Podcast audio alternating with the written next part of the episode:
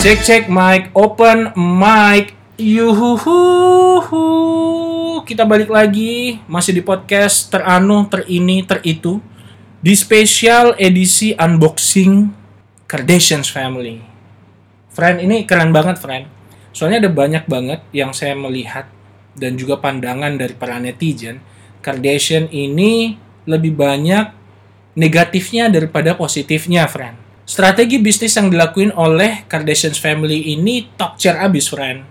Hari ini bakal spesial banget karena pisau bedah yang akan kita gunakan melihat strategi marketing dan juga strategi bisnis dari sudut perspektif seorang profesional. Dia adalah Feni Johan. Siapakah Feni Johan ini? Feni Johan ini friendnya, asal lo tahu, dia udah pernah menjadi seorang event organizer. Udah gitu setelah setahun bekerja di dunia event organizer, Feni diajak gabung di headquarternya Black Canyon. Black Canyon tuh yang kopinya rasa Amerika, tapi pelayannya rasa Thailand gitu. Kita datang ke Pun Cup ya, Sawadee Cup gitu kan.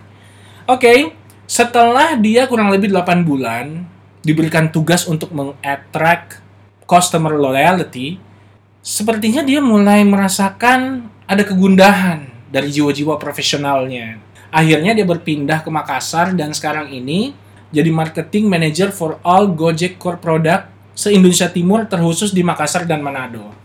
Oleh karenanya mari kita persembahkan untuk unboxing hari ini yang bertitle Kardashians Family dan cara-cara marketingnya yang sangat luar biasa. We got Feni Johan, selamat datang. Halo friendship, senang sekali diajak bergabung sama Mr. Aspiratif. Yuhu. Apalagi bahas hal yang memang saya sendiri suka. Oh, yes. saya Tapi- avid fans juga. Oh iya, tapi ini kasuistis ya. Kayaknya cuma Feni aja yang berani dan juga em, jujur menyukai Kardashians Family. Kalau orang-orang Indonesia ini pada umumnya kalau ditanyain pasti dibilangin bahwa Kardashians ini lebay. Gengsi aja kali kayaknya ngaku itu. Padahal artis Hollywood tuh banyak yang ngefans juga ya ternyata Yes, mereka. jadi jangan lihat dari sisi luarnya aja. For me kalau kita lebih kenal dengan Kardashian Family ini banyak sekali inspirasi dan pelajaran yang sebenarnya bagus juga buat dilakukan di dunia uh, pribadi maupun bisnis. Oh, iya. Tentu saja. Kemarin saya sempat nonton di Tonight Show with Jimmy Fallon. Millie, by, Millie Bobby Brown juga bahkan eh, mengatakan kalau dia tuh ngefans banget sama Kim Kardashian. Millie Yes. Bobby Brown nih yang main di Stranger, Stranger Things, Things. Godzilla, Yes. ya kan. Dan dia bahkan sampai suka dengan istilah-istilah yang eh, dibuat oleh Kardashian family. Tapi despite of all of their conflict, yang nggak bisa kita pungkiri bahwa Kardashians ini adalah salah satu keluarga yang bekerja di bidang entertainment dan berhasil membuat kerajaan bisnisnya sendiri. Betul sekali.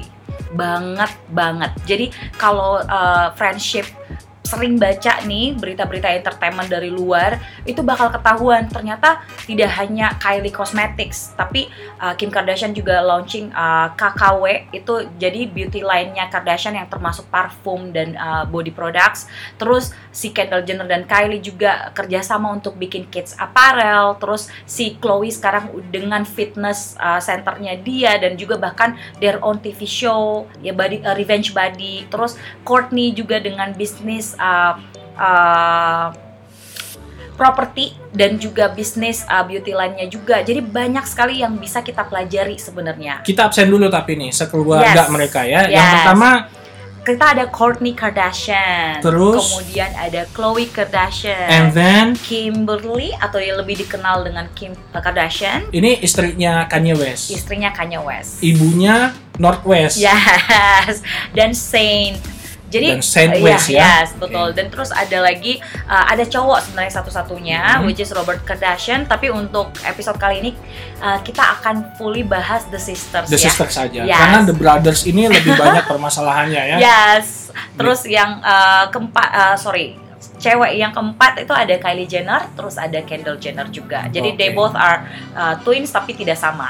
Oke, nah sekarang yang yang pengen kita tahu sebenarnya apa sih yang bisa mereka lakuin dan apa yang telah Kardashians family ini lakuin sehingga mampu membangun brand loyalty yang sangat-sangat luar biasa sekali. Oke, kita tahu bahwa brand imaging mereka sangat kuat. Brand Oke. image-nya mereka itu sangat bagus banget kan ya. Yes. Mulai dari lini fashion dan juga dari ya reality show mereka juga akhirnya membuka mata dari eh, para penontonnya kalau ternyata reality show itu sebenarnya nggak benar-benar reality juga. Benar, pasti adalah dibumbu-bumbuin sedikit ya. Yes. Kan siapa tahu di baliknya itu Ryan Seacrest. Benar. Itu kan udah sukses dengan American Idol, uh, terus kemudian dia bikin lagi uh, dengan American Idolnya kan sama Simon Cowell ya. Terus yes. pas dia lihat nih, jadi kita harus sebenarnya balik lagi nih kak Mhm. dari humble beginningnya si Kim Kardashian dan sistersnya ini. Mhm. Nah, memang uh, kalau orang banyak netizen nyinyir bilang ya iyalah dia juga udah kaya karena papanya dulu itu adalah pengacara top di Amerika. Papanya itu Robert Kardashian Senior itu adalah salah satu lawyer yang sangat terkenal apalagi pada saat berhasil uh, membela O.J. Simpson di kasus uh, pembunuhan mantan istrinya waktu itu. Nah, sejak itu akhirnya terbukalah jalan buat uh, Kardashian Sisters ini berteman dengan banyak selebriti. Sampai akhirnya Kim Kardashian menjadi stylist personal oleh Paris Hilton. Jadi awalnya memang Kardashians ini juga nggak bisa dibilang langsung ujuk-ujuk Nggak bisa. menjadi superstar yang luar Makanya, biasa ya. makanya banyak yang uh, kurangnya netizen Hmm. itu adalah cuman melihat uh, dari sisi luarnya aja. Uh, padahal sebenarnya kalau kita mau aja invest our time to investigate more, terus untuk read more, itu sebenarnya kita bisa lihat bahwa nggak ada yang instan di dunia ini. Jadi Kim Kardashian yang kita lihat hari ini dengan saudara-saudarinya itu datang dari kerja kerasnya mereka juga. Bahkan si Kim itu dulu cuman stylist yang kalau di majalah di fitur cuman dibilang pretty brunette hair friends of Paris Hilton. Jadi teman cantik Paris Hilton yang rambutnya warna brunette. Dulu itu namanya. Tapi strategi memilih suami ibunya Kim Kardashian ini bagus juga ya. setelah nggak bersama eh, Pak Udah Kardashian, meninggal soalnya ya papanya, setelah ya. Pak- almarhum Pak Kardashian Yes. ini udah nggak ada, dia memilih untuk menikah dengan Olympic gold medalist. Yes, betul. Ya, was a Olympic Was gold a medalist. guy, now a girl. Iya, Ya. yaitu Caitlyn ya. Jenner. Caitlyn Jenner. Yes. Sebelumnya Bruce Jenner. Yes. Huh.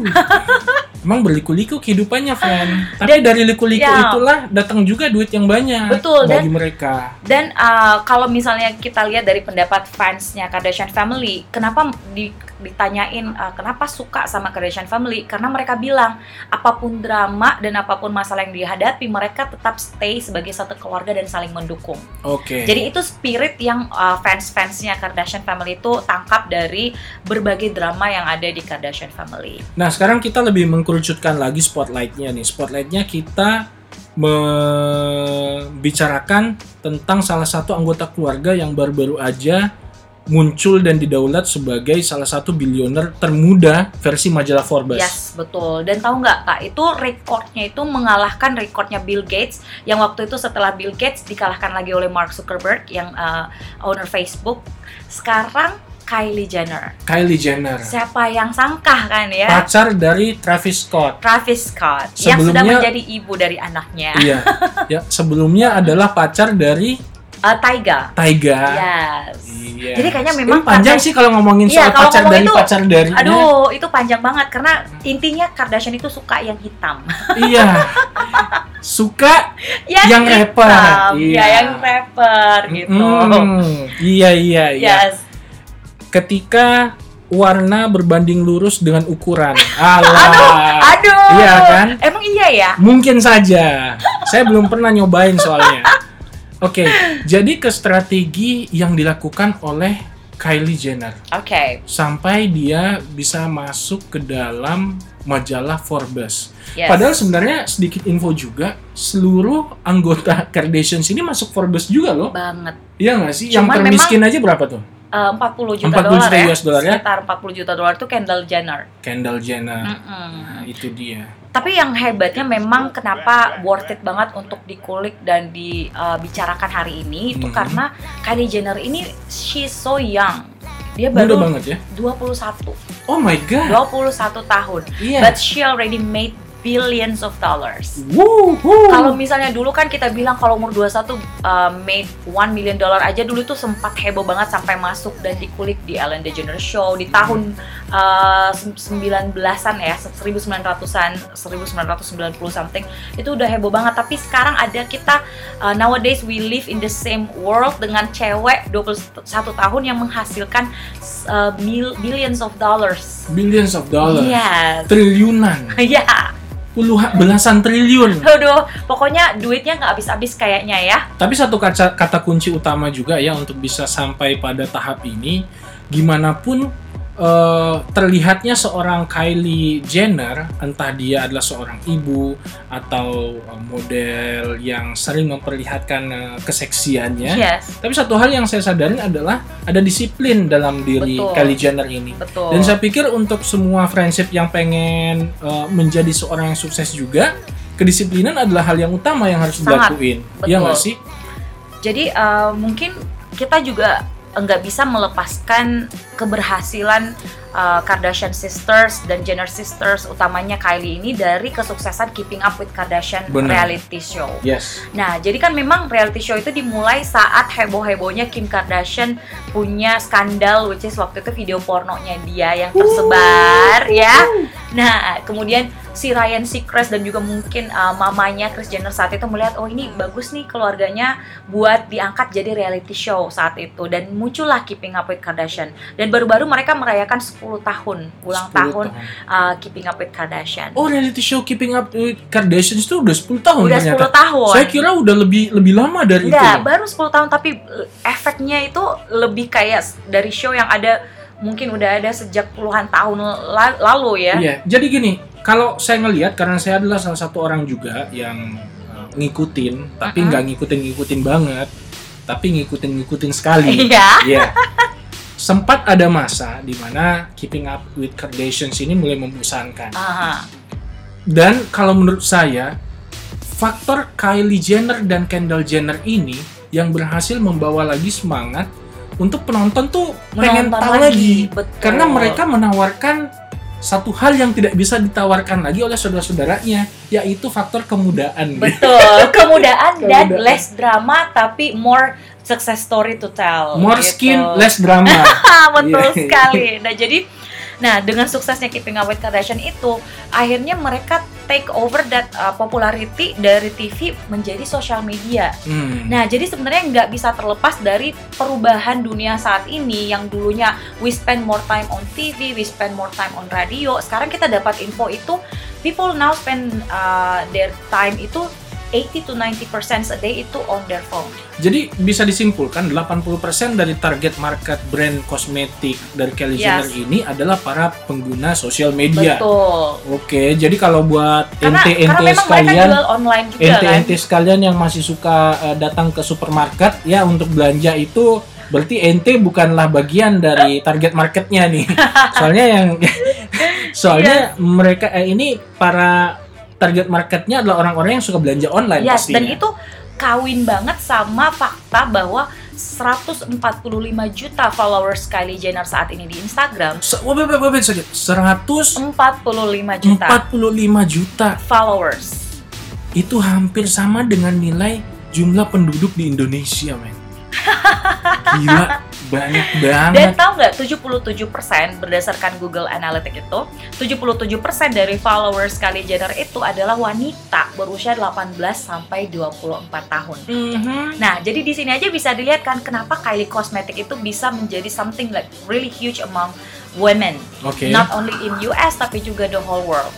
Bahkan yang uh, kita kulik awal waktu dia launching lip kit produk pertama kali Ya. dalam satu menit Tunggu, langsung tunggu, Mbak, sold tunggu out. nanya dulu nih, Mbak Yes, nih ya. yes, yes, yes, nih, yes. nih, nih, ini berhubung friend ya, ini hostnya adalah laki-laki dan tidak pernah menggunakan lipstick ya. Insya Yes. Allah nggak akan pakai lipstick kecuali ada hal-hal tertentu yang memerlukan. Amin. Lip kit itu apa sih?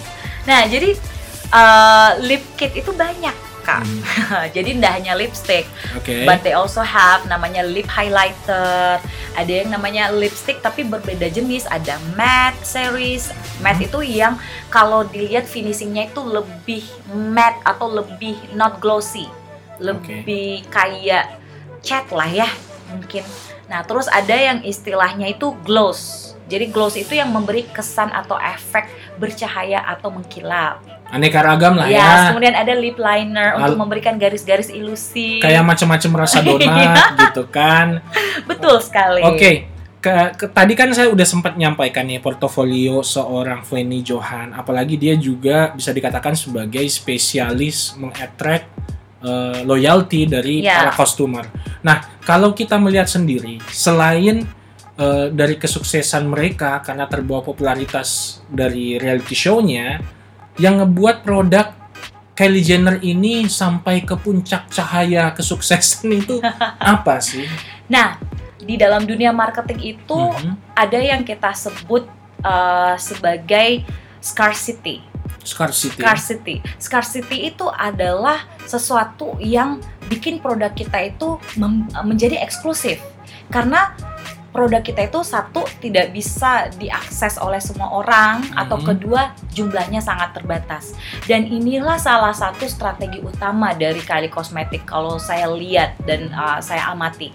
Karena uh, kalau uh, ingat kan di waktu itu lip kit yang pertama kali dis- dijual itu langsung sold out kan dalam satu menit Satu menit. satu menit. Nah setelah sold, Berapa tuh dapatnya? Satu menit. nah 16 juta dolar 16 juta.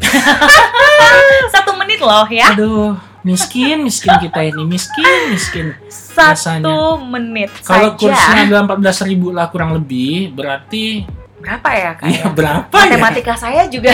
iya, 16 juta dolar tuh berarti kurang lebih 200-an miliar kali ya. Ya itu dalam satu menit saja loh ya Oke. jumlah penjualannya. Selamat deh sukses buat Kylie Jenner atas kekosmetikannya ya. Betul. Nah, setelah eh, terjual semua habis, muncullah demand yang lebih. Orang bilang, wah, Permintaan yang lebih. karena saya misalnya check in satu menit kemudian atau dua menit kemudian lah udah sold out. Akhirnya muncullah orang-orang yang namanya kalau di kita bilangnya calo. Calo ya. Jadi yang udah beli dengan harga 29 Bahasa dolar. kerennya reseller friend. Eh, Iya, reseller. Iya. Tapi sebenarnya calo, friend. Yo, calo Nah, tuh. Beli 20 ribu. beli 29 dolar nih Hmm. harganya lip kitnya tahu-tahu langsung dijual menjadi hundreds of dollars in all various websites and sites Jadi mereka menggunakan psikologi dari para pembeli ya untuk Ya. tidak ketinggalan eh, Yes. tren terbaru. Tren Yes. terbaru ya jualannya si Kylie ini ya. betul Kalau dalam bahasa anak-anak Pekalongan itu FOMO.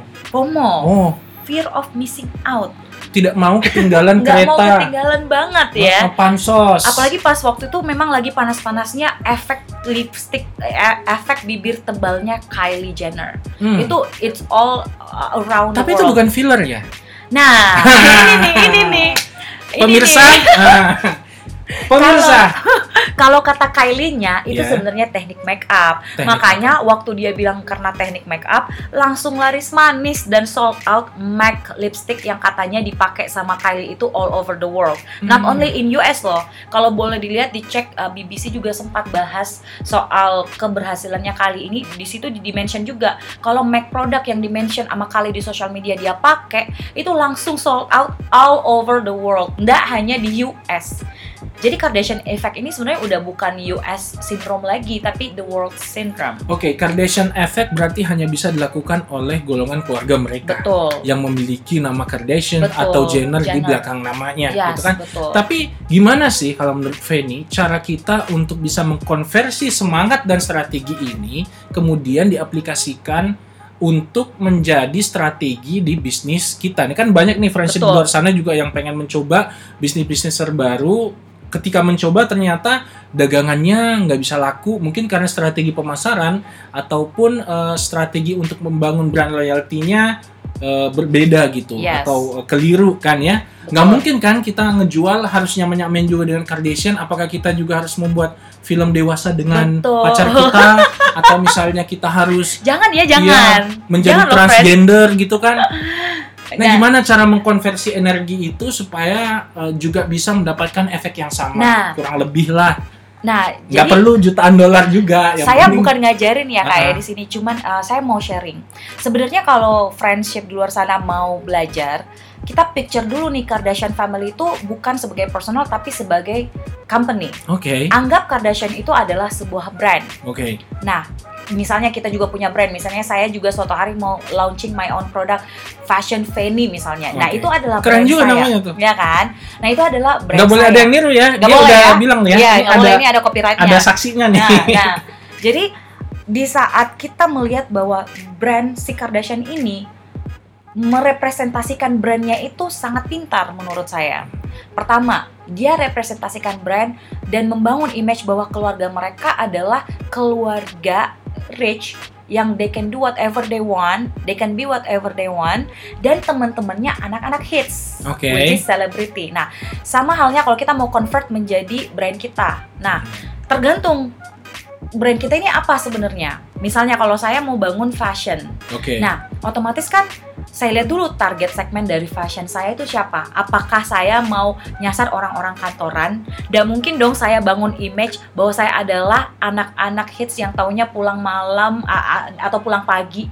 Nggak mungkin, tapi Mhm. pasti akan saya bangun image bahwa uh, this brand is for professional orang uh, wanita-wanita yang punya karir, punya kehidupan yang settled dan teratur.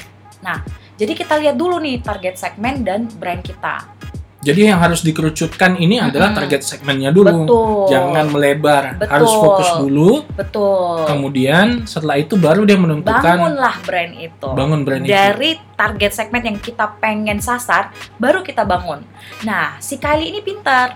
Kylie uh, Jenner. Mm-mm. Kan lihat, dia itu adalah sosok salah satu anggota termuda dari Kardashian. Benar. Followersnya dia 77% adalah anak muda seusia dia, 18 sampai 24 tahun. Mantap. Nggak mungkin dong dia bikin parfum dewasa. Coy, coy, datanya banyak coy. Iya kan? Ini ini fan garis berkeras banget iya, nih kayaknya. coy. lebih lebih ke inspirasi saya Inspirasi ya. memang. Oke, ya. lanjut. Kemudian dari situ bisa dilihat bahwa si Kylie ini tahu bahwa kalau saya mau jualan, Mhm. saya jualannya yang related sama saya dan platform saya which is Instagram yang sudah punya followers kalau 77% dari 145 juta berarti 111 juta orang. 111 juta orang ya. Yang saya tinggal post orang langsung lihat. Yang sisanya itu yang display picture-nya telur ya. Mungkin Iya. ya. atau atau atau ini apa akun-akun bodong lah gitu ya. Yes, betul. Mhm. Nah, jadi di situ kita bisa lihat bahwa uh, si Kylie sudah menentukan target segmennya dia dari awal. Oke. Uh, I want my product itu untuk wanita di luar sana yang feeling that uh, they can do anything, they can achieve anything with makeup. Dan itulah message yang dia bawa memang. Beberapa kekeliruan mendasar adalah kita memproduksi dulu tanpa eh, mengecek atau melakukan eh, studi Riset. terhadap Betul. target marketnya siapa. Betul sekali Kak Iya, Andi. iya, Nah, iya. yang penyakit sekarang banyak sekali bisnis yang baru setahun go out of the business. Mhm. Misalnya saja restoran atau makanan-makanan hits. Iya. makanan hits itu boleh saja kita uh, ikut-ikutan, tapi harus dilihat sebenarnya apakah ini bisa retain nggak sih, atau ini bisa sustainable nggak sih ke depannya. Oke. Nah, contohnya yang paling uh, mendasar adalah kita harus tahu dulu kalau saya bikin bisnis siapa pembeli saya, siapa pengguna saya. That's that's the thing yang harus kita tahu dulu. Kalau misalnya Kandi jual fashion, uh, misalnya kalau uh, Kandi jual fashionnya kayak kaos hits anak-anak event, Yes. nggak mungkin dong Kandi pergi jualannya di exhibitions of economy and environment. Nggak akan Ya laku. iya kan nggak akan laku Benar. karena yang datang ke sana ya professionals yang mungkin setiap harinya harus memakai smart casual look, Smart casual. tidak kaos-kaos hits. Iya. nah, iya, tapi iya. beda lain kalau Kandi jualnya di marketplace. Ah, yang Misalnya eh, kemarin ada acara keren tuh misalnya di Art Exhibition Jakarta. Di situlah Kandi display sekali. kaosnya. Oke deh kalau gitu, Mm-mm. kayaknya ini sudah sangat penuh sekali otaknya Kanjeng Tuan ini terhadap ilmu-ilmu untuk memasarkan barang-barang ya. Betul. Jadi sekali lagi buat friendship di luar sana, mudah-mudahan pembicaraan kita pada hari ini bisa memberikan inspirasi dan juga mulai sekarang bisa membenahi eh, bisnisnya yang Betul mungkin sekali. Mungkin bingung loh kenapa sih saya udah berjalan enam bulan setahun tapi belum ada kemajuan dari segi revenue-nya Yes. dari segi masukannya nah mungkin yang disampaikan oleh seorang Feni Johan tadi berhasil eh, dan juga bisa diterapkan untuk eh, bisnis-bisnis kalian Tuh. gitu Dan satu pesan saya sih Kak. closing statement nih Nah, closing statement saya, kita ini lahir di era menurut saya kita ini generasi yang beruntung. ah Kenapa? Karena kita lahir di era di mana kita untuk memulai sesuatu itu sangat mudah dan untuk memasarkan sesuatu sekarang kita ada namanya social media platform. Tahu nggak Kak Andi, kalau Facebook, Instagram, Stories itu punya 500 juta akun yang aktif untuk ngepost dan melihat setiap harinya. Bayangkan sekarang kita bisnis story aja. 500 juta orang punya kesempatan untuk mengakses. Jadi we are born in the perfect time, in the perfect uh, technology. Tinggal kita gimana caranya menyiasati biar perfect timing dan perfect technology itu terconvert menjadi our personal atau benefit gitu. Jadi harus dipupuk sedari dini jiwa-jiwa banci sosmednya ya. Ya, jangan sekedar nyinyir di sosmed. Benar. Jadikan sosmed itu tempat buat kamu menggali potensi diri dan memasarkan potensi yang kamu punya itu. Kalau mau nyinyir ya jangan nyinyir level-level Indonesia lah, Iya, level-level internasional lah kayak kita ya kan. Kita ngebahas tentang Kim Kardashian, Ya, kita ngebahas tentang marketing uh, Kardashians yang benar-benar kalau bisa dibilang walaupun mereka itu nggak ada sekolahnya, tapi ibarat kata lulusan Hogwarts Yes. School of Management betul ya, sekali. penuh dengan ilmu-ilmu sihir. bahkan uh, sempat tuh di post di BBC bahkan Kim Kardashian itu di salah satu interviewnya bilang beberapa company datang ke dia buat minta nasihat. Oh, apalagi waktu keberhasilan penjualan parfumnya dia wow. yang dia kirim sampel kalau kita istilahnya endorse endorsement endorsement tapi ya. dia endorsingnya ke Taylor Swift dan kawan-kawannya kalau kita ya enggak ya Ah, kalau kita enggak lah. Ya, kalau kita ke teman-teman Kal- ya kalau kita ke teman-teman atau influencer lokal lah. dan ya micro kan? influencer adalah tren di 2019 kan di Benar. micro influencer sedikit followers tapi word of mouth-nya lebih dipercaya Nih bagi friendship yang punya usaha juga dan mau Iya. diiklankan ya di podcast kita. Boleh, boleh juga banget loh Kita lumayan lah ini yang yang dengerin karena kita target marketnya itu adalah uh, Kardashians family, Taylor Swift. Soalnya obrolannya soal itu, friend. Teman-teman di Hollywood semuanya. betul Yang pasti thank you so much buat Fanny Johan yang udah sempat datang. Mudah-mudahan ini bukan kali terakhir juga ya. Karena amin bahkan lebih banyak lagi uh, strategi-strategi G2 yang nantinya bakal kita share di podcast-podcast selanjutnya. So, buat friendship, jangan lupa untuk follow sosial medianya Fanny Johan. Oh iya, bisa ngiklan Boleh, saya di sini. iya, oh boleh silakan. banget. Instagram Fanny V E N N Y underscore Johan. Oke. Uh, Twitternya nggak main Twitter? Main Twitter juga di Iya. Fanny 219. Dulu saya bikin di zamannya akun Fanny Johan udah ada yang ngambil. Udah nggak ada yang ngambil, nggak apa-apa. Oke, jadi buat kamu uh, sekali lagi, please support channel ini cukup dengan nge-retweet ataupun nge-follow akun Instagram @andi_yusuf_akbar dan juga Twitter di @andi_yusuf_akbar dan jalan-jalanlah ke channel SoundCloud kita. Ada juga di platform Spotify, oke? Yeay. Thank you so much sudah mendengarkan siaran podcast ini. Until then, sampai jumpa. Sampai jumpa friendship. Thank you.